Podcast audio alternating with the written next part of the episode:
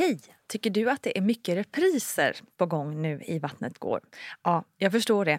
Det beror helt enkelt på att jag, Nina Campioni, just nu har en pop-up second hand i Modgallerian i Stockholm. Så min tid räcker helt enkelt inte tid att göra så många avsnitt som jag hade önskat. Men tills jag är tillbaka på full tid, kom gärna och hälsa på mig i Modgallerian. Vi ses! Jag tycker det är så viktigt eh, att understryka verkligen och säga grattis till alla de som får en rosenskimrande, grym, fantastisk förlossning eh, som har en helt annan upplevelse än vad jag hade. Det är underbart för dem, jag unnar alla det. Eh, men tänk då på sådana som, som dig och mig och så kan man tänka då kanske man blir ännu gladare över det, kanske man uppskattar det ännu mer. Eh, det handlar om förväntansbild. Eh, jag hade jättegärna velat läsa någon som hade upplevt det som jag hade gjort innan. Eh, för då hade inte jag känt mig så värdelös som jag gjorde.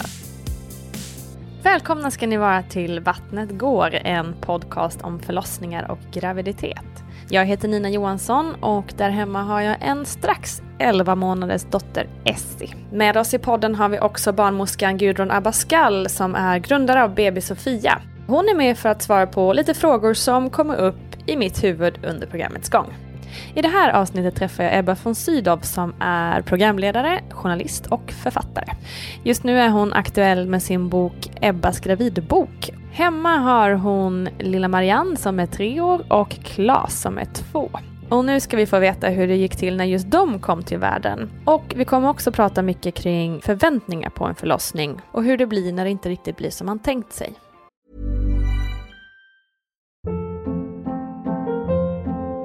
Hold up. What was that? Boring. No flavor. That was as bad as those leftovers you ate all week. Kiki Palmer here, and it's time to say hello to something fresh and guilt-free. Hello Fresh. Jazz up dinner with pecan-crusted chicken or garlic butter shrimp scampi. Now that's music to my mouth. Hello Fresh. Let's get this dinner party started. Discover all the delicious possibilities at hellofresh.com. A lot can happen in three years, like a chatbot may be your new best friend. But what won't change? Needing health insurance. United Healthcare Tri Term Medical Plans, underwritten by Golden Rule Insurance Company, offer flexible, budget friendly coverage that lasts nearly three years in some states. Learn more at uh1.com. Hey, Dave. Yeah, Randy. Since we founded Bombus, we've always said our socks, underwear, and t shirts are super soft. Any new ideas? Maybe sublimely soft. Or disgustingly cozy. Wait, what? I got it. Bombus absurdly comfortable essentials for yourself and for those facing homelessness. Because one purchased equals one donated. Wow, did we just write an ad? Yes. Bombas. Big comfort for everyone. Go to bombas.com slash ACAST and use code ACAST for 20% off your first purchase. Hiring for your small business? If you're not looking for professionals on LinkedIn, you're looking in the wrong place. That's like looking for your car keys in a fish tank. LinkedIn helps you hire professionals you can't find anywhere else, even those who aren't actively searching for a new job but might be open to the perfect role. In a given month, over 70% of LinkedIn users don't even visit other leading job sites. So start looking in the right place. With LinkedIn, you can hire professionals like a professional. Post your free job on linkedin.com slash people today. Du blev gravid. Var det planerat? Ja, planerat och planerat, det är ju alltid svårt. Hade jag fått bestämma så hade ju eh, det varit helt perfekt planerat in i minsta datum sådär. Och säsong gärna så att det blir bra med kläder och overaller och allt sånt där. Men så planerat, eh, det var det ju förstås inte ändå. Det var väl en av många nyttiga läxor för mig med att bli förälder, att det går inte riktigt att planera. Men det är klart att jag hade drömt och längtat efter barn och någonstans tänkt så att jag vill eh, ändå vara en hyfsat ung mamma. Jag var då 29 eh, när jag blev gravid med, med vår dotter och eh, tyckte att det, det var fantastiskt bra och lagom så. Var det samma med andra gången? Andra gången så hade jag nog längtat ännu mer faktiskt. Då var det, jag vet inte var det kom ifrån, men på något sätt så eh, längtade jag väldigt tidigt efter en till, redan när vår dotter bara var knappt ett år. Men det är väl lite så med, med graviditet att man och med barn och familj och sådär, att man, man vet inte alltid riktigt var det kommer ifrån, utan det är bara en väldigt stark längtan och känsla som kommer. Har du någon så fas eller period i dina graviditeter som du tyckte var jäkligt jobbiga? Riktigt hemskt för mig, det var nog egentligen den stora överraskningen, eller överraskning låter ju väldigt trevligt, men det faktum att folk eh, plötsligt eh, tyckte att det var så fritt fram att kommentera min kropp, mina val, vad jag la på min tallrik, hur jag valde att träna, resa, jobba. Och då är jag ändå ganska van vid det som offentlig person och eh, jobbat ändå som hyfsat profilerad journalist i liksom tio år, men att det skulle kunna vara på det sättet, det var nog det som var allra jobbigast för mig. Det kanske var ungefär sådana kommentarer som jag fick ganska ofta fortfarande får, men som gravid så var jag ändå så skör och eh, mottaglig och eh, känslorna utanpå. Eh, så att då eh, få en kommentar som kanske var ibland i all välmening, typ nej men ska du, och sushi, det där vet du, det, mm. det har man ju läst om hur det går. Det kanske var någon som bara menade väl, men i mig så funkar inte det. Mm. Eh, jag tyckte det var urjobbigt. Röt du ifrån på något sätt? Nej, jag gjorde det väl eh, ganska många gånger, eh, sådär klassiskt, eh, fem minuter efter, kom på precis vad jag skulle sagt för kaxigt och coolt. Och eh, jag läste också om någon som, så när det var en kollega som hade tagit den på magen och klappat sådär oombett, eh, som ju ganska många eh, gravida får stå ut med. Vissa tycker för sig att det är helt okej, okay, men återigen, så det är ju, ligger ju helt hos den gravida. Först, Man kan fråga först. Eller inte fråga alls tycker jag faktiskt. Gör det inte. Det håll händerna borta, håll tassarna borta. Eh, då hade den personen då liksom tagit och klappat på den kvinnans bröst då mm. eh, istället Men tillbaka. Eh, och det tyckte jag var ganska roligt. Jaha. Det kan jag önska Jaha, att jag hade gjort. Jag. Okej, okay, jag trodde det var någon som hade misslyckats och klappat på magen. Okej, okay. ja, det var ju smart. det var då en, eh, en kvinna på jobbet som hade känt på magen och då hade hon känt tillbaka ja, på brösten Gud. så här, åh vad mysiga de är idag. Uh, och det kunde jag tänka så här, fasen vilken bra grej. Ja. Um, så det, det är mitt tips till um, alla gravida där ute, att uh, våga göra sådana här saker. Man, man måste också tänka på att man har faktiskt rätt som gravid att säga ifrån och att uh, tolka den där kommentaren precis som man vill. Man är inte överkänslig eller så hormonell eller fjantig. Man är gravid och det är helt okej okay. mm, att övertolka och bli ledsen och börja gråta. Ja, och säga om... till då också. Och säga till då, precis. När har du mått som bäst som gravid? Som bäst mådde jag nog egentligen dels efter vecka ja, 2023. Det tyckte jag alltid var väldigt skönt och det tycker jag fortfarande när jag träffar gravida idag. Så där, åh, när de är förbi den veckan, det är ändå något magiskt med det att eh, det är en liten människa där inne som faktiskt skulle eh, ve och fasa det värsta hända, liksom går att eh, rädda. Mm.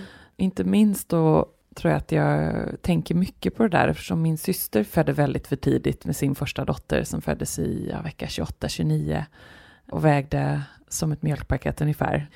Och eh, dels har väl det gjort att ja, jag känner som ödmjukhet inför det där med att föda för tidigt och liksom, man är så glad varje, varje vecka som man går över mm. den där kritiska tiden på något sätt. Och sen också det där som verkligen har fått mig att må bra inom graviditeterna, det är ändå det, det låter så klyschigt, men att man inte är ensam. Alla dessa resor för mig som jag sitter där och pendlar upp och ner till Umeå där jag jobbar. Eh, man kan sitta ensam hemma i soffan och allt vad det är och jobba sent på kvällen och så liksom är man inte ensam. Det är en så härlig känsla. Och det var nästan så att jag kunde sakna magen lite där de där första veckorna, även om jag då hade en skrikande bebis utanpå istället. som inte heller var så mycket längre ifrån. Men det, det, är en väldigt speciell känsla. Att vara gravid gav mig också en extra självförtroende-kick på något sätt. Jag kände så här, ah, ja, vad ni än säger för konstiga möten eller vad jag än får, om det nu blir fel, något som jag gör här, så här, äh, vet ni vad, strunt samma, här mm. liksom jag och den här lilla bebisen här inne och det är ändå viktigast. Du, hur förberedde du dig för din första förlossning? Och inför min första förlossning så gick jag på sån här andningskurs förstås, profylax. profylax. Mm. Ja, eh, och det gjorde vi tillsammans, Johan och jag. Och han satt där och nöp mig i benet och jag tänkte att eh, det här är ingen match. Nyp hårdare. Um, och um, hade kittat hemma och eh, den lilla spjälsängen stod bäddad och färdig och eh, kläderna var eh, sådär härligt tvättade så det inte skulle finnas minsta lilla giftspår kvar i dem och tyckte att vi hade förberett oss väldigt bra ändå. Och så, ja, och så blir det ju ändå inte som man har tänkt sig som vi sa i början. Så är det Men var du rädd inför förlossningen eller hur Ehm. kände du inombords? Jag var nog mer, jag var inte rädd utan jag var mer intresserad, intresserat nyfiken och tänkte att eh, fasen, det ska ändå bli väldigt spännande att se vad detta är för något. Och som jag ofta tänker, vilket är både eh, en av mina främsta styrkor och också en enorm svaghet. Det är så här, hur svårt kan det vara? Vad är det värsta som kan hända? Och jag menar, jag, jag hör själv hur dumt det Nej, låter. Exakt så Eh, kände ja. jag också. Ja, liksom, vad är det värsta som kan hända? Ja, men det här är liv och död och en, en lyckad förlossning, det är en förlossning där mamma och eh, baby är friska och överlever och klarar detta. Men i eh, min värld, mitt eh, svenska privilegierade, kanske lite bortskämda perspektiv, så var det ju så här, come on, det, det här ska bli riktigt spännande. Så här, verkar, undrar hur ont det kan göra, är det som att vaxa benen eller liksom, ja, jag kunde inte tänkt annorlunda. Nej, man har ju inget att jämföra med. Nej, man... man har inte det. Och jag vet inte hur det var för dig, men jag var ändå ganska ensam. Så där. Jag hade inte eh, så många eh, nära kompisar runt omkring som just hade fått barn eller som, som också var gravida eller så. Eh, så jag känner mig rätt ensam i det där. Och då blir det att man läser tidningar och man kanske hör med ja, men de som har fått barn då. Alltså jag, såklart att jag frågade mamma och man Mm. frågar liksom andra kompisar som har barn som är några år redan. Mm. Eh, och de det inser man ju nu, mycket. precis, det inser man ju nu vad mycket de har glömt. Ehm, Visst. så att tack och lov att man glömmer, annars skulle man ju aldrig föda barn igen. Om vi börjar där nu då, liksom inför din första förlossning. Hur började du misstänka att någonting var på gång? Ja, men då kom ju liksom det där, började det komma den där verkarna som jag då galet nog hade sett fram emot lite grann för att jag var så peppad och tyckte det skulle bli så himla spännande. Och någonstans undermedvetet är det väl så då att eh, jag trodde att jag skulle klara detta så himla bra. Jag som är så kapabel och eh, ja, men ganska stark. Jag kände mig också ganska stark. Vi hade tränat bra under graviditeten. Jag hade liksom hängt kvar på gymmet med min PT som jag hade unnat mig. Jag mådde ändå ganska bra måste jag säga. Jag hade varit förskonad från mycket. Så tänkte jag så här, åh kul, nu kommer det. Nu är bebisen snart här. Vad skoj det ska bli. Åh, sängen är bäddad så fint och det kommer bli så mysigt. Och så var det liksom bara ett helt dygn där eh, som var ett av de värsta i mitt liv som, eh, som jag inte riktigt hade räknat med. Du började känna verkar, åkte ni in direkt då eller hur? Ja, eh, det gjorde vi ju inte, men som typiskt första gången så ringde man in och trodde efter fem minuter att nu måste vi komma in för nu kommer jag föda barn. Men då hade jag också min mamma som jag kunde ringa, som är läkare och som jobbat på BVC och så här många år. Hon har liksom ganska bra koll på de där regionerna ändå, de här Mm. grejerna, även om mer fokus på barnen. Eh, och hon var bara så här, sitt lugnt i båten, det, det här kommer, det kommer inte hända någonting än, eh, ta det lugnt. Så det gjorde jag och eh, det tog ju förstås liksom ungefär 10 000 gånger längre tid än vad jag någonsin kunde föreställa mig. För även om jag hade läst även om man liksom har tänkt att det kommer ta lång tid, så tror man ändå att det är lite så naivt, och man tror lite att det är som på film. Mm, ja, ja. Eh, Man får lite verkar, man åker in, man lägger sig i en säng, lite snyggt, och så Mm. skriker man lite och så kommer bebisen. Med jättefint smink på. Jättefint smink på, precis. Ja, men det är konstigt att de alltid ligger ner sådär tjusigt, Ja. tycker jag. När man Gjorde själv går det? runt som en, nej gud, jag låg på golvet och stod och jag stod bakvänd och på huk och alltså Ja. på alla sätt inte speciellt glamoröst sätt. Nej. Sen när vi väl kom in så var det ju just så då att man skulle prova att stå på olika sätt. Jag Mm. kände mig så obekväm med det. Så stor också känner Ja, man sig. så stor och så tyckte jag så här, hjälp, alltså den här himla yogabollen, jag kände bara ta bort den, det, det funkar inte, någon konstig pall skulle de ta fram och ja men det var hemskt. Eh, Jag var inte bra på att släppa kontrollen och bara liksom låta dem eh, föreslå och testa olika grejer. Jag tyckte bara att det kändes eh, jobbigt. Mm. Men när du kom in där så, eh, vad jag förstår av din bok så var du, du trodde att du var mer öppen än, än du var. Ja, jag var helt säker. Ja, och det var en jobbig Helt situation. säker, men jag tänkte att de hade fel nästan. Så. Eh, för det kunde inte stämma. Eh, För då hade jag ändå gått och vankat runt på stan. Jag minns vi eh, vi gick ner till Svenskt Tenn och kollade. Där tog jag några Ja, verkar. det måste vi faktiskt, du måste faktiskt berätta, för det är helt fantastiskt i boken där du bara beskriver att du gick in på Svenskt Tenn och Ja, det gjorde jag faktiskt. dröjde, hade lite tid där och Ja, drog några verkar ja jag drog några verkar där mot några fantastiska härliga soffor eh, och fåtöljer. Ehm, men det var ju sånt så här, ja, vad ska man annars göra då? Mm. Eh, det var ju väldigt bra att röra på sig, det hade jag ju läst. Mm. Tänkte jag så här, kan vi lika gärna promenera ut på stan och lika gärna gå in på Svenskt som jag åtminstone tycker är lite trevligt. Jag tycker det är jättehärligt. Och jag kommer också ihåg att jag träffade någon, en, eh, en kompis på stan då, som var så här, ah, hur är det? Ja, ah, nej men det Ja, och så kom det liksom en verk och hon tittade på mig och bara så här, men gud, ska du föda barn? Så att, ja, jag tror det, ja. Så ja, det ska jag nog. Det var faktiskt samma andra gången att jag, då gick vattnet, vilket jag inte gjorde första gången. Men då var det verkligen som i en film då, att eh, jag vaknade liksom helt blaskblöt i sängen, tänkte så här, herregud, när jag kissar på mig, det är liksom misären total. Eh, jag hade inte gjort det innan, jag vet att vissa gravida kanske lider av det, men inte jag, tack och lov. Tänkte jag så här, åh, gud. Och då eh, också så gick jag ner en sväng på stan och gick till saluhallen, Östermalmstorg här. Skulle handla någon grej och posta lite brev och fixa lite saker och så kom det lite verkar och så var träffade jag någon kompis som sa, gud vad är det? Jag bara, nej alltså vattnet har gått. Förlåt att jag skrattar men det är fantastiskt. Vadå? Alltså nu? Ja, i morse. Jag bara, ja fast, ja jag vet inte, jag, jag måste ju ändå posta lite brev och göra lite ärenden och sådär. Jaha, okej, ja vad är Johan då? Nej men han är på jobbet, jag ska ringa honom. Hon bara, ja du kanske ska göra det. Ja, för du har inte ens sagt till Johan att, Nej, men det hade jag inte. hade gått. Det hade jag inte faktiskt. Jag tänkte att jag, hör ring, jag ringer honom sen. men det är ju så med graviditeten, det är ju så mycket första gången, man vet ju inte. Nej. Jag visste ju inte hur det var när vattnet hade gått, till exempel, visste du att till slut gick vattnet för dig? Ja, det gick för mig. Ja, och det slutar inte rinna. Nej, verkligen inte. Det gör det ju, det är ju så konstigt. Så är det ju inte på film. Nej, nej, det är bara Och det är ett ingen som plask och så säger. det Då är det liksom ett härligt plask och sen så Ja. är man snygg igen. Ja. Men det bara rinner och rinner och rinner. Så jag stod där, jag kommer ihåg så svarta byxor som var liksom helt dyblöta där nere på stan och bara gud, det här är ju inte helt sjukt. Gudrun Abascal, BB Sofia. Hur ska man som gravid egentligen hantera sina förväntningar? Ju mer det skiljer sig från de förväntningar jag har till sen hur upplevelsen blir, desto sämre blir själva upplevelsen. Och det är väl därför att vi lever i en kultur där vi gör kalkyler och försöker bygga upp olika scenarier. Vad ska jag välja till och vad ska jag välja bort och allt. Och så tror vi att vi har säkerställt att när jag har gått igenom hela scenariot så kommer det bli som jag har tänkt mig.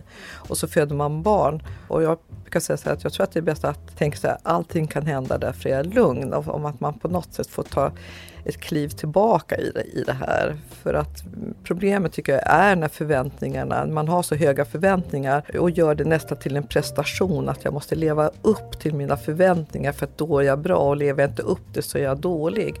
Så finns det en myt i det här att när barnet är fött då ska man titta på sin partner. Åh gud vad jag älskar det jag på jorden. Titta på baby. Och så kan man pussa på varandra och glorian på huvudet och så är man lyckligare resten av livet.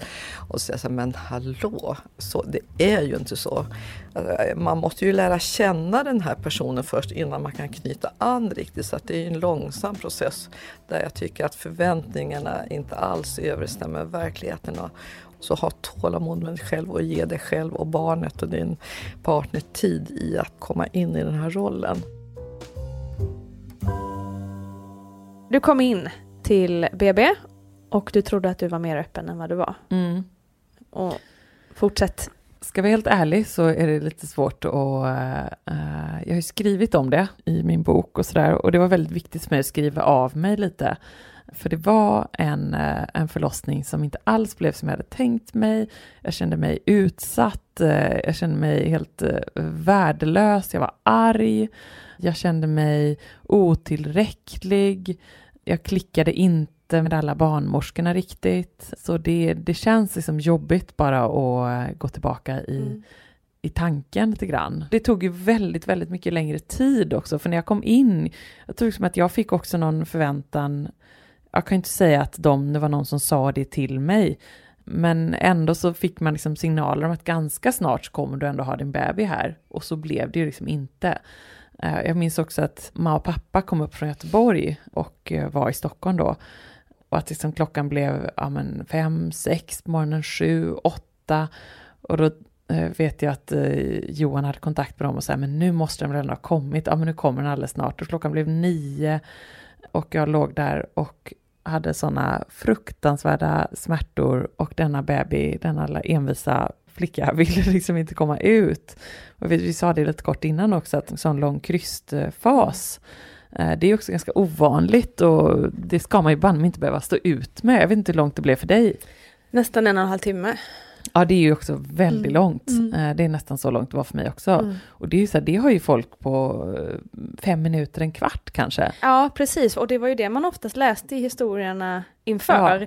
Att ja, men man har ett långt verkarbete och det kan ta flera, flera timmar. Mm. Men sen när krystverkarna kommer, då vet man att nu är det snart klart. Ja, Och där tyckte jag det var en sån här självförtroendeknäck. Ja. För att man kände det, åh nu börjar de, nu är det två kryssningar, sen är hon ute. ja. Och så var det ju absolut inte så. Nej men så var det inte så och det, där är ju liksom den, om det har gjort ont innan så är ju det den brännande, vidrigaste smärtan som man kan tänka sig och det känns också som att det går så här ett steg fram, två steg tillbaka. Ja, gud verkligen. och, Och utmattande på ett helt annat sätt tyckte jag. utmattande och, och efter en sån långt verkarbete som jag hade haft liksom i över ett dygn så jag hade inga krafter kvar Nej, till det. det förstår jag verkligen. Och att då också så här, det är ju så svårt i efterhand att säga exakt vad man har hört och inte, men, men det här är ju liksom vad jag har hört. Men då är det ju, var det ju då liksom någon barnmorska som sa så här, men vet du vad, nu jobbar du mot oss här. Nu jobbar du inte med oss. Så då kände jag så här, vet du vad, alltså här har jag legat och kämpat och jag är helt trasig och liksom känner mig bara som att jag har inte en endaste uns av kraft kvar. Men liksom bara slänga den där nyponsoppan ja, efter dem på något Mm. sätt. Eh, och det är sådana små ord som bara kan så här, Så viktiga. så viktiga och som kan slå så fel. Mm. Just det minns jag så väl, att så här, nu jobbar du inte med oss, nu jobbar du mot oss. Så här, Mm. Men hallå, vad Det är tror väl det enda ni? jag inte gör. Ja, det är väl det enda jag inte gör. Och så kände jag också så här, någonstans att men ni hade ju lovat att det skulle inte ta så här lång tid. Och liksom en kvart och varje minut av den typen av krystarbete är ju, är ju fruktansvärt. Ja, alltså, ja. Det var som ett kontrakt som bröts och Mm. det, ja, det var, var fruktansvärt helt enkelt. Och också i den utsatta eh, situationen helt orkeslös. Så det, eh, det önskar jag inte min värsta fiende. Hur gjorde du? Du sa att du inte klickade riktigt med barnmorskorna och sådär. Bad du att få byta någon gång? Äh, Det är också så svårt, för att det är ju en sån sak som, som man får lära sig innan och som i och för sig jag också tycker verkligen, eh, inte minst med min erfarenhet då, att våga se till att du ska byta. Men när man själv ligger där, Nej, är man eh, man är inte direkt tuff och det är ibland också svårt ens att kommunicera med sin partner. Det är inte Mm. så att man bara, ah, kom hit. Vet du vad, jag ska gå toppen och du kan byta henne.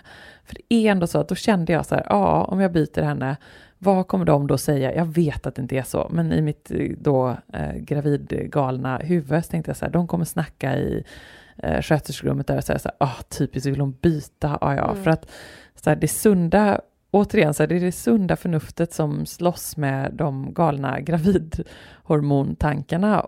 Och det sunda förnuftet sa ju såklart att alla dessa superkompetenta barnmorskor de vet vad de gör och de är alla grymma och de har sån erfarenhet och de vet så mycket mer om detta än vad jag någonsin kommer veta. Och så kommer lilla jag här och ska säga så här, vet du vad, det känns inte så bra. Mm. Det vore toppen jag kan byta mot någon annan. Jag vågade inte det, jag Nej. kunde inte det.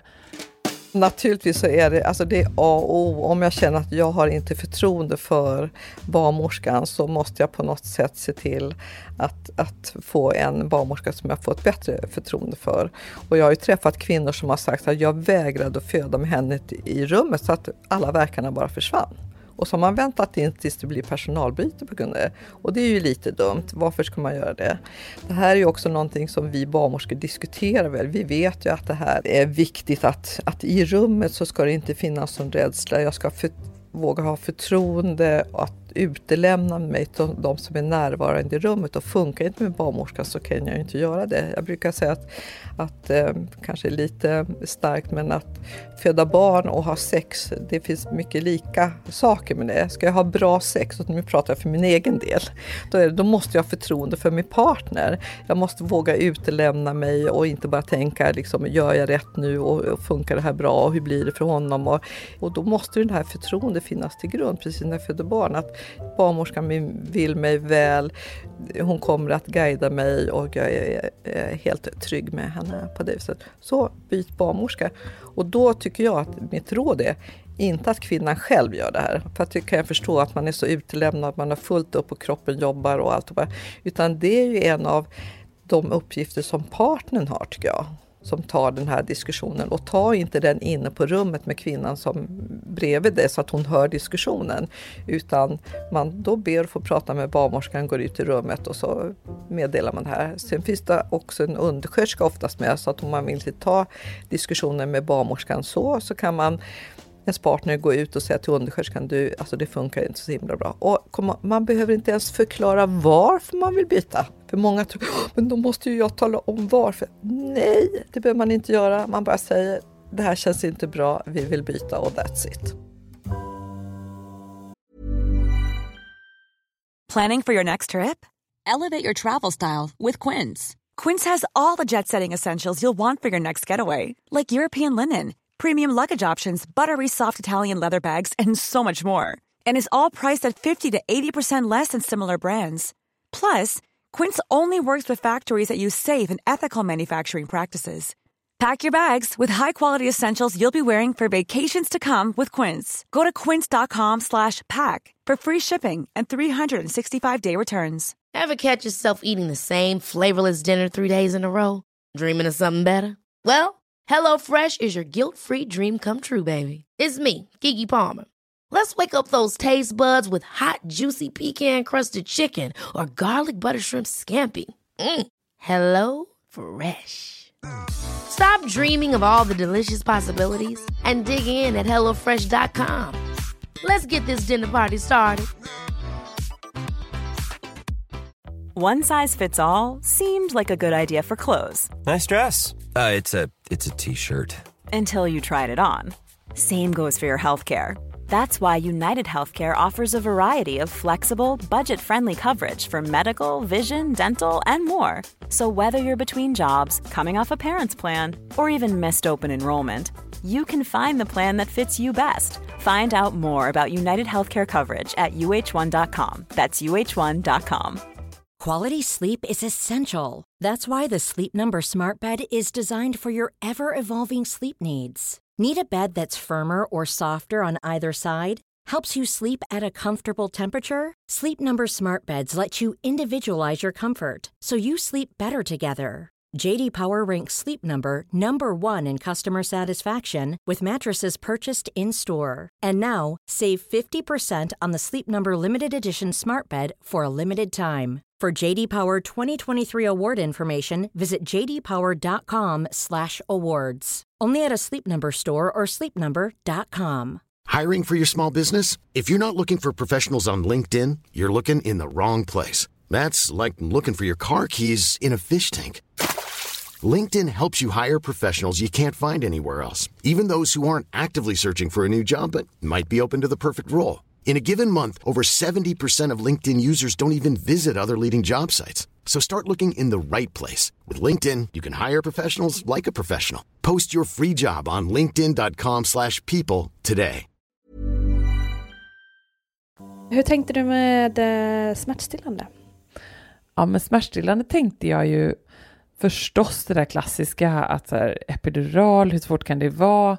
Eh, jag kunde inte som sagt föreställa mig smärtan och jag tänkte så mycket på det, jag försökte verkligen och den här eh, kursen vi gick där man skulle nypas i knät, det kändes ju som ett sånt hån mm. när jag låg där och kände vilken smärta det verkligen var.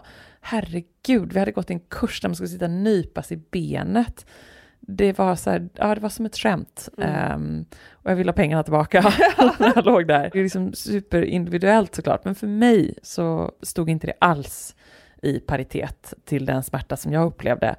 Uh, och den typen av andning och sådär, jag fick inte alls till det. Uh, så när jag väl låg där så var ju smärtlindring som en uh, sänd från ovan. Det var ju som det enda som hjälpte mig. Jag behövde medicinsk smärtlindring, inte andas, inte tänka målbild, stranden i Falsterbo. Eh, det var liksom bara bort med allt det, fram med det tunga artilleriet och mm. Eh, riktig smärtlindring. Så du fick lite vila där eller? Men lite vila och ja, vila, återhämta lite kraft, eh, känna sig lite kapabel igen. Mm. innan det börjar rulla igång igen. Usch, man kan sitta och skratta åt det nu. Men, eh, Ja, men det det är väl så. Eh, att skratt och gråt ligger nära Mm, varandra. Mm, definitivt. Men du, när det här ploppet väl kom då, liksom att, att när man känner ju ändå att jäklar, nu hände det. Hur kände du då? Ja, jag hade så lite kraft kvar då och eh, eh, hade då eh, jobbat så hårt så länge. Eh, så jag eh, hörde inga änglakörer, kände inget eh, lyckorus och, och fick inte överhuvudtaget den där känslan av att all smärta bara försvann. För här var ju denna fantastiska varelse. Alltså det kan låta hemskt och jag älskar inte mitt barn mindre för det, men så var det i den stunden. Det var, jag vet inte hur det var för dig där, men för mig var det så här att jag inte var beredd på att det skulle fortsätta eh, göra ont efteråt för att de skulle in och massera magen och ut med moderkaka och det skulle... Ja, massera det få- säger du, det låter som ett härligt det ord. tycker jag är roligt, att de kallar det för massera. Alltså det, det gjorde snudd på ondare än vanliga verkare sa. När de tryckte sönder magen kändes det Ja. som. Visste du om att det skulle hända? Nu ska jag säga helt ärligt att eh, ja, jag visste väl lite, men sen nej, jag visste inte alls att det skulle vara så. Mm. Det är nog det här att jag hade fokuserat så mycket fram till förlossningen Mm. och då verkligen fram till att bebisen kommer Mm. ut. Och allting sen hade jag inte riktigt tänkt på.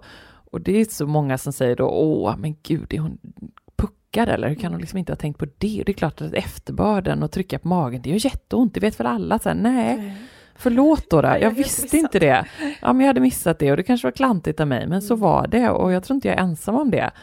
Eh, och jag hade väl också missat att man kan få världens mjölkstockning och att amning är, Mm. eh, kan vara liksom helvetet på jorden och att man kan gråta så mycket över det och att det kan...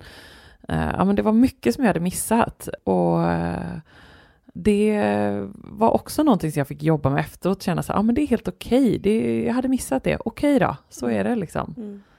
Hur var dina första timmar där sen efteråt då? de var egentligen mycket fokus på mig och liksom återhämta mig och försöka så här, snabbbearbeta vad jag hade varit med om, försöka stappla ut eh, till det där lilla linoleummatteklädda badrummet och försöka, försöka liksom försiktigt eh, våga liksom röra på kroppen och eh, den där duschen glömmer man ju inte första taget. Därifrån. och också det att man ska då försöka gå på toaletten ju, eller gå och Mm. kissa och eh, att det var någon eh, sköterska som stod där så här, kom inte gå härifrån innan du har gjort det. Och man bara, men kan du bara gå, jag vill aldrig kissa mitt liv. så mm, det är ju inte så himla härligt och rosa det heller. Nej, verkligen inte. För en del får vi hoppas att det är det. Ja, men det är väl något som jag har fått höra mycket. Jag har skrivit eh, min bok, där jag intervjuat liksom barnmorskor och läkare och massa mammor. Och det som ofta är en eh, kritik då, som jag får höra mot mig, det är så här, men gud, varför berättar du de här skräckhistorierna om din första förlossning? Och varför valde du att berätta det, mamma? Du skrämmer ju folk och folk kommer inte vilja ha barn. Men det är inte alls det det handlar om för mig. Då har man liksom missuppfattat.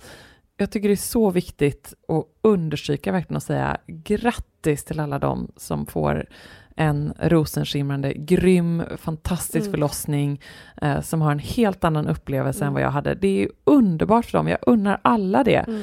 Men tänk då på sådana som, som dig och mig, och så kan man tänka, då kanske man blir ännu gladare över det, kanske man uppskattar det ännu mer. Mm. Eh, Det handlar om förväntansbild.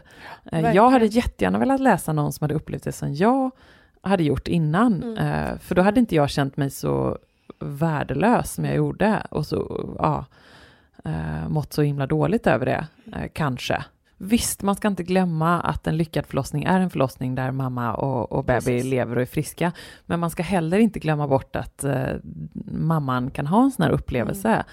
Eh, och då måste man också ta den på allvar. Och jag tyckte ännu mer, kanske du frågade om de första timmarna, jag tyckte ännu mer de första dagarna och veckorna var det väldigt jobbigt för mig att få höra, eller väldigt jobbigt, men jo, det var ändå ganska tufft att få höra att eh, ja men åh, det, har- hon ser ju så gullig ut, hon är ju perfekt, och tio fingrar och, och tio tår och titta, sådana rosiga kinder. Och jag bara så här, men titta på mig då, jag mår så dåligt, jag har mjölkstockning och feber och svettas och känner mig trasig inifrån och ut. Jag kan knappt gå på toaletten, magen funkar inte. Mm. Eh, men det är inget man säger till någon man eh, träffar där i vårsolen, man går ut och drar vagnen. Eh, men jag tycker man ska tänka på det också. Eh, det är inte självupptaget att bara tänka på sig själv då, eh, även fast man har världens mirakel i vagnen. Nej men verkligen, och man måste ju få bli hel själv innan man kan ta hand om och känna kärlek för nästa också. Mm. Alltså det, det är svårt att klara av båda.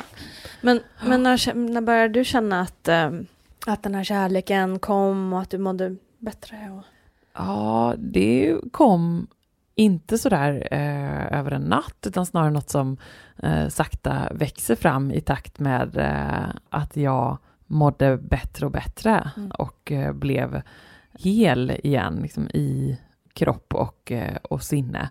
Då kom det eh, sakta fram, men som sagt, jag hade svårt med amningen eh, och det var, upptog mycket av min tid och tog mycket energi och de som har drabbats av det, eh, jag tror nästan två tredjedelar av alla eh, mammor drabbas av någon slags problem kring amningen. Eh, också en sån sak som man kanske inte läser innan.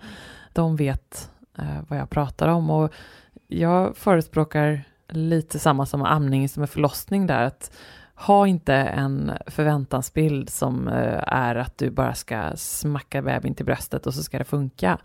Utan var lite ödmjuk inför det. Funkar det så är det fantastiskt. Det bara, jag säger alltid till alla mina kompisar som ammar och det funkar så åh grattis vad duktig du är. För det tycker jag verkligen mm. att man är om man får det att funka. Det är mm. så grymt duktigt, för det är inte helt enkelt. I takt med att magen växte andra gången så blev det ju nästan som lite panikkänslor sådär med tanke på den erfarenhet jag hade. Jag kände det, det, jag gör det inte, jag klarar det inte. Självklart vill jag ha den här bebisen men det är eh, nästan eh, ett Mount Everest och tänka att jag ska, ska göra det där igen. Och då sa ju alla till mig såklart att det är andra gången, det blir inte samma, men jag behövde vara mer än så. Jag behövde liksom jobba mer med, dels tror jag, bearbeta eh, den första förskräckliga förlossning som jag hade haft och liksom verkligen prata igenom det och lägga det bakom mig och sen på nytt ladda om. Men då valde jag att gå eh, på eh, sånt här Aurora-samtal som det heter. Jag åkte ut dit ehm, eh, till Danderyd och satt där på någon föreläsning. det finns något som heter Danderydsmetoden, alltså en metod som de har utvecklat som väl egentligen eh, mer är att man då jobbar igenom och förbereder sig innan, går på ett sånt där förberedande samtal, eh, pratar igenom sina rädslor och också att man har ett slags kontrakt då, inte ett skrivet kontrakt, men mer ett oskrivet där det är så här, det ska inte ta så lång tid som det gjorde förra gången. Eh, gör det det så ska vi stämma av med dig. Då ska vi prata om olika alternativ. Alltså det är en väldigt så tydlig metod som är massor med information, tydliga tidsangivelser. Det var drömmen för ett eh, kontrollfreak som dessutom var livrädd som jag var då. Mm. Och det var bara du kontaktade dem och, för att komma med i ett sånt samtal? Eller hur ja, men det gjorde jag. Mm. Eh, så är det ju lite grann, att man måste ju verkligen man ta tag i det själv. Mm. Ett förlossningsbrev i all ära, men jag kände i alla fall att herregud, vad egentligen så här, vad står det i mitt förlossningsbrev som inte står i någon annan eh, mamma i min situation i Stockholms brev. Mm. Det måste ju stå ungefär samma sak. Jag vill ha kontroll, ja, no shit. eh, jag vill ha massor med information, ja, jo. Mm. Eller så här, man får liksom inse att man är nog ganska mycket som alla andra. Om man då är rädd och ändå känner att man måste ha lite extra stöd så måste man ju ta tag i det. Jag gick in på hemsidan där på Danderyd och kollade och anmälde mig och sådär. Det, det finns hjälp, men då måste man aktivt ta den. Och förstås prata med sin barnmorska eh, och be att få konkreta verktyg. Um, så jag gick på Aurora-samtal, gick på föreläsningar, läste väldigt mycket och fick väldigt eh, gott stöd. Dels från min eh, barnmorska på MVC och också av en barnmorska som jag träffade eh, som kunde snacka igenom det här och ställa rätt frågor till mig. Mm. Mycket sånt där klassiskt, vad är det värsta som kan hända? Vad är du rädd för? Vad vill du absolut inte ska hända igen? Och jag ska också säga att jag gick på gravidyoga och jag är ingen eh, yogityp. Det var, ja, men där fick jag mycket verktyg som jag använder mig av på gravidyogan, så det kan jag verkligen varmt rekommendera, även då om man kanske inte är en typisk yogande typ eh, annars. Men där jobbade jag supermycket med att vända mig inåt, hitta eh, lugnet, blunda, andas, eh, de här grejerna som inte överhuvudtaget hade funkat första gången därför mm. att jag hade fått fel ingång på det. första gången så trodde jag nog att andning, målbild, massage, eh, nypa, eh, allt det där skulle vara något som ersatte smärtlindring. Mm. För mig var det inte så, utan smärtlindring, alltså epidural, i kombination med det här som jag tog med mig från yogan, det var en vinnande kombination för mig. Mm. Och också så att jag kunde inte lita på någon annan, utan det var jag som skulle göra detta. För första gången där så tänkte jag så här, men ni måste ju kunna göra någonting åt detta, ni måste ju kunna skona mig från detta, rädda mig från den här situationen, herregud. Eh, Och andra gången var det så här, ja, nej, Ebba, det här är ditt race, du får göra detta. Mm. Och tror jag, jag jobbade supermycket med att försöka eh, släppa kontrollen där och vara lite öppen och lita på deras beslut. När jag förberedde mig inför andra förlossningen så eh, kunde jag nästan så skratta åt att alla som sa så här, åh, men andra gången går det så bra. Så tänkte jag så här, ja, eller hur? För att jag var så bränd av första gången då det var så många som hade sagt, men du som är så kapabel och duktig, du Ebba, du fixar det här, du klarar ju allt.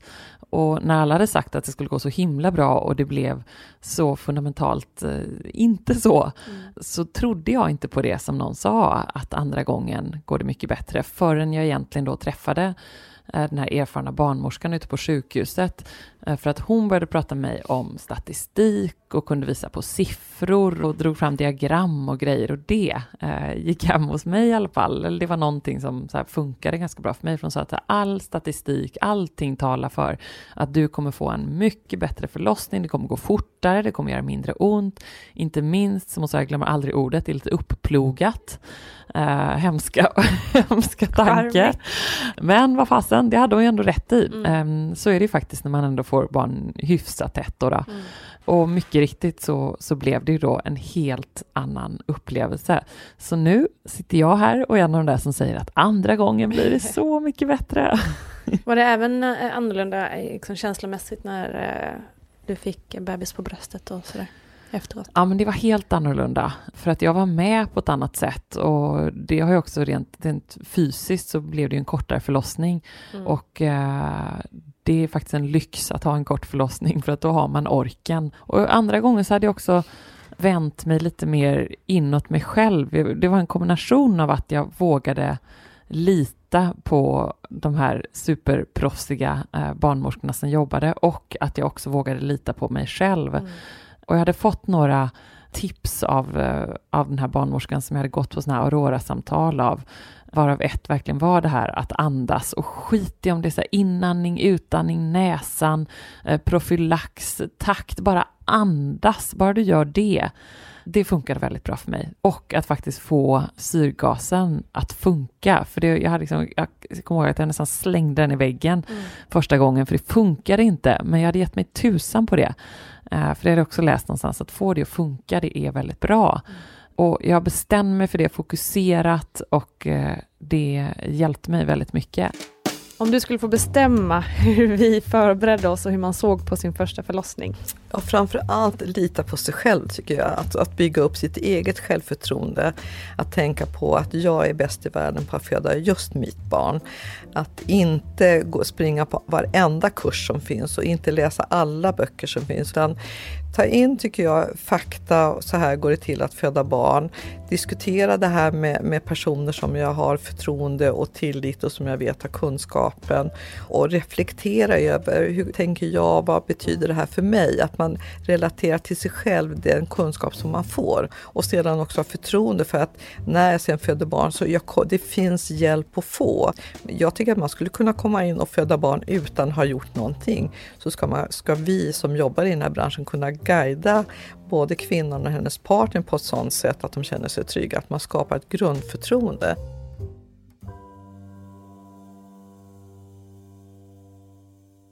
En väldigt öppen fråga, men vad vet du idag som du inte visste innan du blev gravid första gången? Mitt svar på det är faktiskt inte någonting som har med graviditeten att göra, utan faktiskt med de första veckorna med bebis att göra, den första tiden. Det är ett väldigt vanligt misstag man gör som gravid, att man planerar allting fram till den där bäddade söta sängen och bilstolen och hur man ska ta sig med taxi eller bil och vem som ska köra och vad man ska ha för kläder i BB-väskan och många har liksom packat den veckor i förväg. Eh, Men sen då? Eh, Livet som börjar sen Eh, dels ehm, eh, amningen, eh, vardagen, eh, hur man ska få ihop det, tjänsterna, tankarna, relationen, sömnbristen. Att eh, man kan bråka och tjafsa väldigt mycket eh, just på grund av sömnbristen. Känner igen det. Ja, men det, det, det gör man. Det tar inte direkt fram ens bästa sidor Nej. eh, att ha en eh, några veckor gammal bebis hemma. Folk som forsar in genom dörren. ehm, man har liksom inte hjärta att säga nej till eh, svärföräldrar och, och svägerskor och människor och kompisar. Men man har ju heller absolut ingen kraft eller energi till det egentligen. Nej. Ehm, så det vad jag inte visste innan, det är verkligen att den tiden är jäkligt tuff på många sätt Mm. och att man måste eh, sätta upp gränser. Det är helt okej att vara sur och gnällig, bråka, skrika, eh, gråta. Vad skulle du vilja säga till den som är på väg in nu och inför sin första förlossning? Eh, till den som är på väg in till sin första förlossning eh, skulle jag säga att lägg inte så himla mycket fokus på eh, att packa väskan. Lägg istället lite mer fokus på att eh, packa mentalt då och kanske också eh, i ordning för första tiden. Köp lite amningsplagg så du slipper springa ut på stan precis där i början och det är inte så himla kul att skicka ut sin respektive eh, och köpa toppar med luckor i eh, och fel storlek och allt vad det är. Liksom. Eh, tänk på det där och se till att få sova, alltså ta hjälp genom att se till att få sova i ett mörkt rum. För eh, tro mig, det är så mycket som sömn kan bota. Det kan bota att man typ känner att man vill skilja sig och Mm. att eh, livet håller på att rasa och allting. Och så efter fem timmars sömn i ett mörkt rum så kan man vakna och känna att allting känns faktiskt lite, lite bättre. Tack snälla Ebba von Sydow för att du ville dela med dig av dina upplevelser. Det här var allt för idag. Tusen tack ska ni ha för att ni lyssnade. Om två veckor är Vattnet går tillbaka och då träffar jag journalisten Annika Leone som upptäckte att hon var gravid ungefär tre veckor efter att hon och hennes kille hade gjort slut. Tro mig, eh, du kommer märka om det är vattnet eller om det är kiss eller flytning eller vad det än är. Bara, Oh ja, det- ah, det gjorde det för Okej. Eh, det var som att när man har sett en elefant liksom kissa på Kolmården, så såg det ut. Det var helt, jag, bara, jag var helt chockad. Producerat av Perfect Day Media. Ever catch yourself eating the same flavorless dinner three days in a row? Dreaming of something better? Well, HelloFresh is your guilt-free dream come true, baby. It's me, Kiki Palmer. Let's wake up those taste buds with hot, juicy pecan-crusted chicken or garlic butter shrimp scampi. Mm. Hello Fresh. Stop dreaming of all the delicious possibilities and dig in at HelloFresh.com. Let's get this dinner party started. Hi, I'm Daniel, founder of Pretty Litter. Did you know cats tend to hide symptoms of sickness and pain? I learned this the hard way after losing my cat, Gingy. So I created Pretty Litter, a health monitoring litter that helps detect early signs of illness by changing colors, saving you money and potentially your cat's life. Pretty Litter is veterinarian developed, and it's the easiest way to keep tabs on your fur baby's health right at home. Go to prettylitter.com and use code ACAST for 20% off your first order and a free cat toy. Terms and conditions apply. See site for details. Hey, it's Paige DeSorbo from Giggly Squad. High quality fashion without the price tag. Say hello to Quince. I'm snagging high-end essentials like cozy cashmere sweaters, sleek leather jackets, fine jewelry, and so much more. With Quince being 50 to 80% less than similar brands. And they partner with factories that prioritize safe, ethical, and responsible manufacturing. I love that. Luxury quality within reach. Go to quince.com slash style to get free shipping and 365 day returns on your next order. Quince.com slash style. When you drive a vehicle so reliable it's backed by a 10 year, 100,000 mile limited warranty, you stop thinking about what you can't do and start doing what you never thought possible. Visit your local Kia dealer today to see what you're capable of in a vehicle that inspires confidence around every corner. Kia, movement that inspires. Call 800 333 4KIA for details. Always drive safely. Limited inventory available. Warranties include 10 year 100,000 mile powertrain and 5 year 60,000 mile basic. Warranties are limited. See retailer for details.